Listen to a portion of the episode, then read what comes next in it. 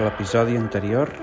Les germanes Llorac, les Güell i Consuelo Jové intentaven imitar Clotilde, mentre la resta de dones aplaudien el ritme de la música i els homes reien i assenyalaven aquell ball mentre fumaven i balien. Enmig d'un espai cobert de fum de cigarrets i puros, els comensals reien i ballaven bugits d'alegria, sols o en parelles, envaïts d'una eufòria que els feia actuar de forma impulsiva als acords d'aquell estil musical que havia nascut als Estats Units a principis de segle entre la comunitat afroamericana i que els blancs havien imitat feia una dècada, sobretot les garçones i les generacions joves dels rogents anys 20, que després de la pandèmia mundial de grip espanyola i de dos, dos mesos de confinament havien despertat amb unes ganes exagerades de festa per recuperar el temps perdut, adoptant el Charleston com una forma extravagant, boja i divertida de ballar el foxtrot. De sobte, sense que ningú ho esperés, el gran mirall que es trobava darrere el mufló es va esbocinar en mil trossos i tots els comensals, espantats, van deixar de cantar i ballar i van mirar en un acte reflex al forat del sostre. La pistola apuntava al mirall. El joc de viure, de Magí, Balcells i Balcells. Capítol 20. Mercedes, Miret i Mateu. Dos quarts tocats de cinc. Quan la persona que havia disparat des del sostre va amagar la mà, tots els comensals van mirar el moble del mirall trencat, observant que havia aparegut un altre missatge. Al moment, la majoria dels presents van entendre la seva eufòria amb extrema preocupació. «La puta que els va parir!» va exclamar el marquès de Castell de Rius. «Ara ho entenc tot!» va dir Lluís Ferrer Vidal. «Aquesta gent ens mataran!» va exclamar Paco. «No ho entenc. Què diu que ens han posat el vi?» va preguntar Carme Estruc. Sobre la fusta del moble on hi havia el mirall, hi havia dos textos escrits en negre, amb una grafia clara i estilitzada que conformava un poema de tres estrofes en la part superior, seguida sota per un text que ajudava a entendre el missatge. Maria Cristina Güell es va posar davant del mirall trencat i va llegir en veu alta i clara. Disfressada d'alegria, blanca i enganyosa, convertint la nit en dia, sóc la reina més ociosa. Estimulo curiositat, pols brillant i perillosa, i omplo a tots de vitalitat, fins a frontera perillosa. De Bolívia a Equador, brostra alegre la serralada i passant pel processador, al primer món soc aspirada. Per contrarrestar els efectes de l'alcohol, els hem posat aquesta substància barrejada dins les ampolles de Chateau de Pau Castel i Gran Gaspar Feullet. Em sembla que és evident, va dir Arnaldo de Mercader. Han barrejat cocaïna al vi, va dir el comte de Güell. Per això anàvem tots com una moto va dir Lluís Ferrer Vidal. Però, com? va dir Edith de Llaurador, desconcertada. Ens han drogat? va preguntar espantada Isabel Llorac. Com sabeu que és cocaïna? va preguntar Consuelo Jové. Dona, una cosa que brosta entre Bolívar i Equador i que un cop processada s'aspira a Europa, va dir Eusebi Güell a la seva esposa, no pot ser res més que cocaïna. És molt possible. Té sentit. Per això ens ha passat la borratxera tots de cop, va dir Cambó. Hem passat d'estar quasi dormint-nos a cantar i ballar com si no hi hagués un demà. Cocaïna barrejada al vi? va preguntar Josep Patlló, pensant en veu alta. Por el amor de Dios, esta gente nos mataran, va dir Maria Teresa Núñez. Això és un malson, va dir Isabel Llorac, amb els ulls plorosos. Perdoneu. No és culpa teva, Isabel, va dir Milans del Bosc. Abelino, qui ha obert les ampolles? va preguntar Lluís Ferrer Vidal. Jo mateix, senyor, amb l'ajuda del servei, és clar, va contestar el majordom. No he notat res d'estrany a obrir les ampolles? va preguntar Antoni Maria Jové. Eh, no, senyor, va dir Avelino. Estaven tapades? Hi havia algun senyal que les haguessin obert? va preguntar el marquès de Montsolís. Estaven intactes, senyor. Totes portaven la càpsula d'alumini i els taps, va dir Avelino. En res feia sospitar que haguessin pogut estar obertes. Quan han obert les ampolles, les han servit al moment o han deixat que s'airegés el vi? va preguntar Anna Jové. Les hem servit al moment, senyora, va contestar Avelino. Eh, conservem els taps? va preguntar el marquès de Montsolís. Eh, són a la brossa, senyor, va contestar Avelino. I, i les càpsules d'alumini? va dir el comte de Godó. Eh, també són a la brossa, senyor, va contestar Avelino. Porti-ho tot, si us plau, va ordenar Milans del Bosc. Passats uns instants, la minyona més vella es va presentar amb una safata plena de tots els taps i les càpsules de les ampolles que havien obert i el va portar prop del marquès de Montsolís. Aquest els va agafar i, un a un, els va anar observant fins que, de sobte, va dir «Estan punxats!» «Com que estan punxats?»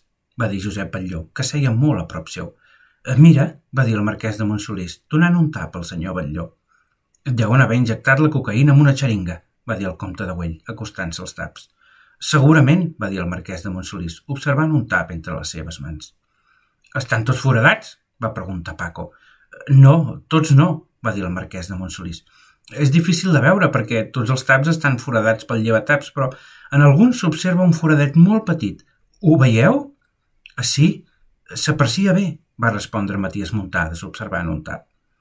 Aneu separant els taps que estiguin foradats, va ordenar Maria Cristina Güell. Si el que hi ha escrit en el missatge és cert, hi hauria d'haver 20 taps foradats i 20 càpsules, no? Correcte, va dir Matías Muntades.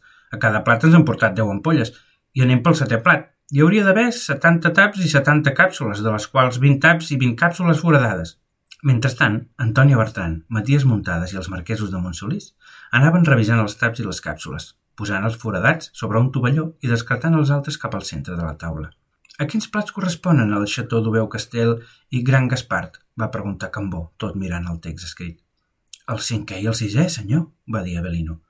O sigui que amb l'últim plat no ens han portat vi adulterat? Va preguntar el comte de Güell. La majoria de taps són iguals, només alguns identifiquen el celler de procedència, va dir Avelino acostant-se als taps.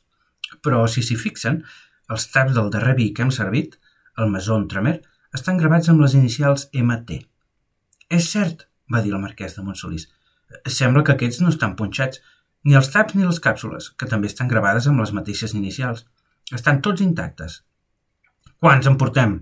va preguntar Milans del Bosc. Foradats? va preguntar Antonio Bertran. Sí, va dir Milans del Bosc. 16 taps i 13 càpsules de moment, va contestar Matías Muntades. Com se suposa que hem de continuar ara? va dir Maria Carbonell, molt alterada i quasi plorant. Aquesta gent ens està enverinant. Jo no penso veure ni menjar res més. Tu menjaràs i veuràs el que et toqui, com tots, va dir Milans del Bosc, mirant-la de forma desafiant. No posaré la meva vida en risc, va contestar-li Maria Carbonell. La vida en risc la posem si no seguim les ordres d'aquests tarats que ens tenen aquí tancats. Creus que tenim gaires opcions? va dir Milans del Bosc. Doncs jo no em deixaré perdre aquests canelons, va exclamar Bertran i Mosito, menjant de forma compulsiva. Jo tampoc penso menjar ni veure res més, va dir Ramon Godó. La meva salut no està per aquestes coses. Tu faràs el que et diguin, va dir Milans del Bosc, donant un cop de puny a sobre la taula i cridant. Sembles una dona, va dir Paco a Ramon Godó, fent befa. Ningú pot obligar-me a fer res, va dir Ramon Godó. No? Estàs segur que no? va dir Milans del Bosc de forma amenaçant, tot alçant-se de la taula i agafant el pom del seu sabre. Vols comprovar-ho? No posaré la vida del meu fill en risc, i si he de fer ús de la força perquè tot surti bé, no tinguis dubte que ho faré. Eh, Posem-nos tranquils, si us plau. Si volem sortir d'aquí no tenim més opció que fer cas als nostres captors, va dir Lluís Ferrer Vidal. On eren les ampolles, Avelino? El celler, senyor, va contestar Avelino. Qui les va posar al celler? va preguntar Joan Godó. Les van posar entre tots els membres del servei, senyor, va contestar Avelino. Quan vam retornar de Barcelona fa unes setmanes, les van portar fins aquí al castell i les van posar al celler. O sigui que ja fa dies que són aquí? va preguntar Cambó. Sí, va respondre Lluís a Llorac. Quan vam tornar les van portar amb el nostre cotxe i amb el del meu cunyat. Això vol dir que algú les ha manipulat mentre éreu aquí, va afirmar Domènec Cert. Sí, correcte perquè les vam anar a buscar el mateix matí que vam pujar al castell, va dir Isabel Llorac. A Barcelona no les teníeu a casa, doncs? va preguntar Lluís Ferrer Vidal. No, les vam anar a buscar al magatzem del meu distribuïdor el mateix matí que vam retornar al castell des de Barcelona, va dir Isabel Llorac.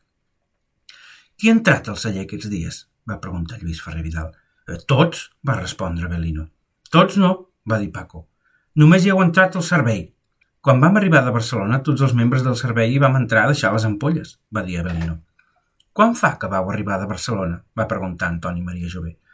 A primers d'agost, va dir Isabel Llorac. I exceptuant el dia que vau deixar les ampolles al celler, durant aquest mes qui ha entrat al celler? Tots? va preguntar Lluís Ferrer Vidal. No, la que hi ha entrat més sovint és la Mercedes, va afirmar Avelino. A casa seva feien vi i ella sempre ha afirmat que coneix millor que ningú com es neteja un celler perquè el vi no es faci malbé. Fes-la venir, immediatament, va dir Paco. Passat un minut, Mercedes va aparèixer a la gran sala menjador. Mercedes, has notat alguna cosa estranya al celler aquests dies? va preguntar-li Isabel Llorac. Estranya? Què voleu dir, senyora? va dir ella. Les ampolles les vau deixar al celler a primers d'agost, quan vam retornar de Barcelona, i, segons sembla, Durant tot aquest temps, l'única persona que ha entrat al celler per netejar-lo has estat tu, va dir Isabel Llorac. Durant tot aquest temps has notat alguna cosa estranya? Jo no he estat l'única, senyora, va dir ella. L'Avelino hi ha entrat en repetides ocasions, cada cop que el senyor Francisco Javier demanava vi. L'Avelino? La va tallar Paco. Eh, sí, senyor. Jo hi he entrat cada cop que vostè em demanava vi, però les ampolles que hem servit avui es trobaven al fons del celler, una part a la qual no he anat, va respondre amablement Avelino. Algú ha tocat les ampolles aquí al castell. Això és innegable, va dir Lluïsa Llorac, atacada dels nervis. I no són gaires els que han entrat al celler. Tocar les ampolles? va dir Mercedes a la seva mestressa. Ara que ho diu, sí que hi ha una cosa curiosa del celler. Quan avui al matí hem tret les ampolles amb el Ramon per netejar-les, n'hi havia que ja estaven netes. Què vols dir? va preguntar Lluís Ferrer Vidal. Mentre preparàvem el banquet ahir a la tarda, vaig estar netejant el celler i vaig veure que les ampolles del banquet estaven plenes de pols, explicava Mercedes. Així que, com que era tard i jo havia de marxar a casa amb la meva filla Carmeta, vaig pensar que les netejaria l'endemà, és a dir, avui al matí. I avui al matí resulta que n'hi havia algunes que ja estaven netes, eh, que no tenien pols. Ahir tenien totes pols? va preguntar Milans del Bosc. Eh, crec que sí, va contestar Mercedes. Era fosc, però juraria que estaven totes plenes de pols. Quantes n'hi havia de netes? Va preguntar Paco. No sé, quinze, setze, va dir ella. No les he comptat. Això significa que algú les ha tocat aquesta nit, va dir Isabel Llorac, espantada. No ens estaràs mentint, oi, noieta? va dir Milans del Bosc. Mentint? Jo? va dir Mercedes amb la por al cos. Has punxat les ampolles amb cocaïna? va preguntar Milans del Bosc. Amb coca què? Per l'amor de Déu!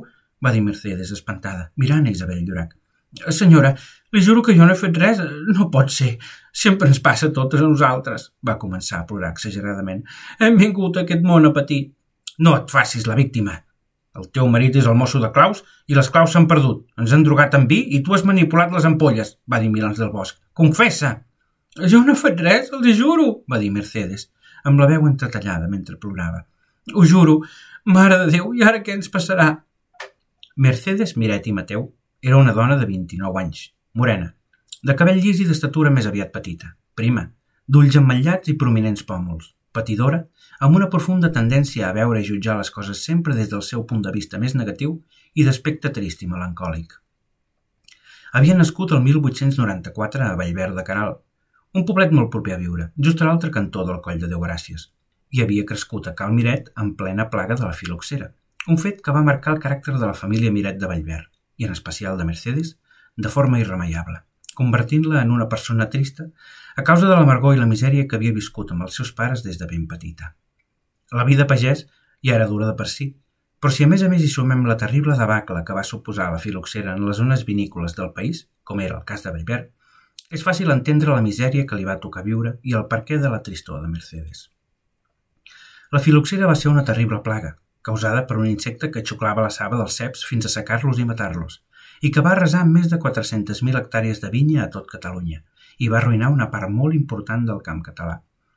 La plaga va arribar accidentalment a Europa l'any 1860 des d'un carregament de ceps que anaven cap a França, i en molt poc temps es va escampar pel camp francès a causa de la gran quantitat de vinyes i la impotència dels agricultors per aturar la plaga.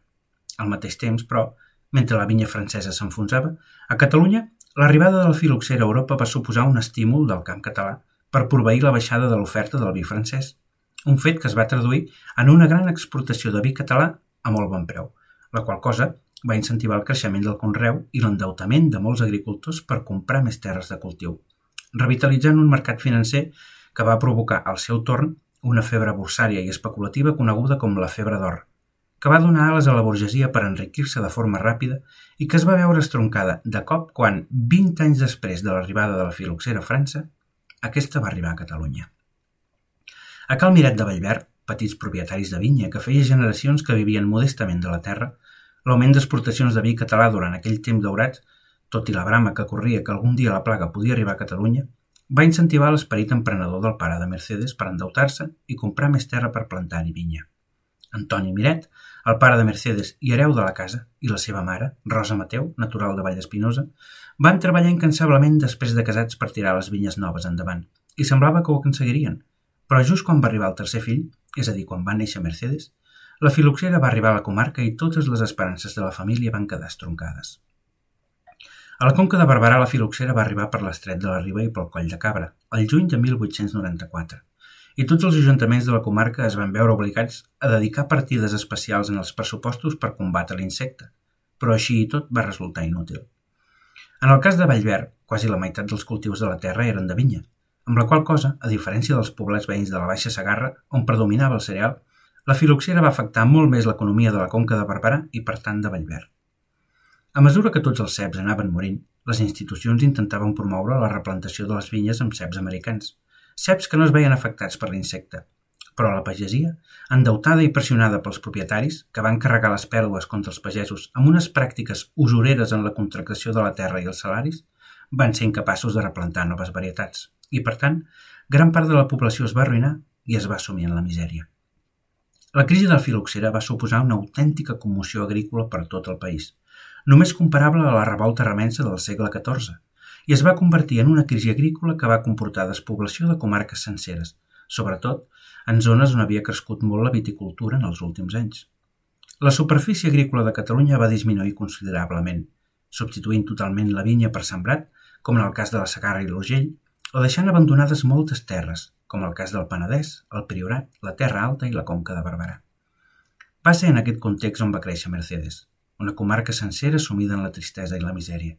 Les vinyes mortes per la filoxera, deutes impagats, cases i terres lligades històricament a la família empenyorades i perdudes, joves hereus sense futur i havent de marxar de casa per trobar un futur millor a Barcelona, masos deshabitats, pobles buits de gent jove, cada cop amb menys infants i amb més gent gran enfadada amb la vida, silenci als carrers i les places. Les transaccions que setmanalment es feien als mercats escasses i poc productives, propietaris sense poder donar feina als jornalers, fam, misèria, epidèmies i desesperació.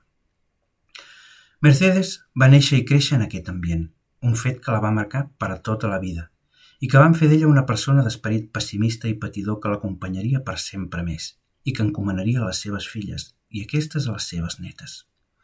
En contraposició a aquesta tristesa, però, es va despertar un sentiment col·lectiu arran de les formacions de lligues i agrupacions per lluitar contra la plaga i van servir de precedent per als futurs sindicats i cooperatives. El cooperativisme va ser la resposta a tots aquests mals del camp. La unió de tots els pagesos els va fer més forts per tal de combatre les noves i velles adversitats. I així, amb el temps, més de 30 anys, i superant la crisi a poc a poc, van començar a brostar bellíssims cellers cooperatius modernistes per tota la comarca, que van assentar les millores per al camp. Malgrat tot, però, no va ser el cas de Cal Miret de Vallverd que endeutats fins a les celles no van poder replantar les vinyes i feina van tenir per substituir els ceps per sembrat per poder subsistir. D'aquesta manera, així que els seus pares van poder trobar-li un espòs per reduir la despesa de Cal Miret, Mercedes va marxar a viure un cop casada el 1920 amb Ramon Gasol i Voladeres. Vas netejar el celler i al vespre i has netejat totes les ampolles avui, va cridar-li Milans del Bosc. Només pots haver estat tu. Però de què m'estan parlant? va dir Mercedes plorant. Jo no he fet res. Has posat droga al vi, confessa! Va cridar-li respectuosament Paco. Mare de Déu! va dir Mercedes entre plors. Has estat l'únic que ha cantat al celler, va cridar Paco. I ara ens intentes enganyar amb estúpides excuses, va dir Milans del Bosc. Que si hi havia ampolles que ja estaven netes, creus que som imbècils? Els efectes de la cocaïna sobre els comensals els feia actuar de forma impulsiva i més agressiva que de normal, amb la qual cosa Milans del Bosc i Paco acusaven a Mercedes cada cop amb més agressivitat. Volen parar? Va dir Ramon Gasol des de la porta de la cuina. La meva dona ja els ha dit que no ha estat l'únic que ha cantat al celler. Sí, ja ens ha dit que l'Avelino també hi havia baixat algun moment, però... Però vostès l'han tallat i no l'han deixat acabar. Han començat a acusar-la, va dir Ramon. Hi ha una altra persona que va entrar al celler ahir. Una altra persona? va dir Milans del Bosc. I tu què saps? Qui? Qui més ha entrat al celler, Ramon? va preguntar Paco just després d'acabar-se els canelons. El senyor que ha fet nit al castell amb la seva senyora, va dir Ramon. Jo mateix el vaig veure baixar ahir la tarda. El, el mosso de Claus té raó, va dir Avelino, defensant-lo. És cert, va exclamar Paco. No ho recordava. El senyor Batlló em va demanar permís per anar a veure el celler. Instantàniament, tots els comensals van girar la vista en direcció al senyor Batlló. El joc de viure, de Magí, Balcells i Balcells.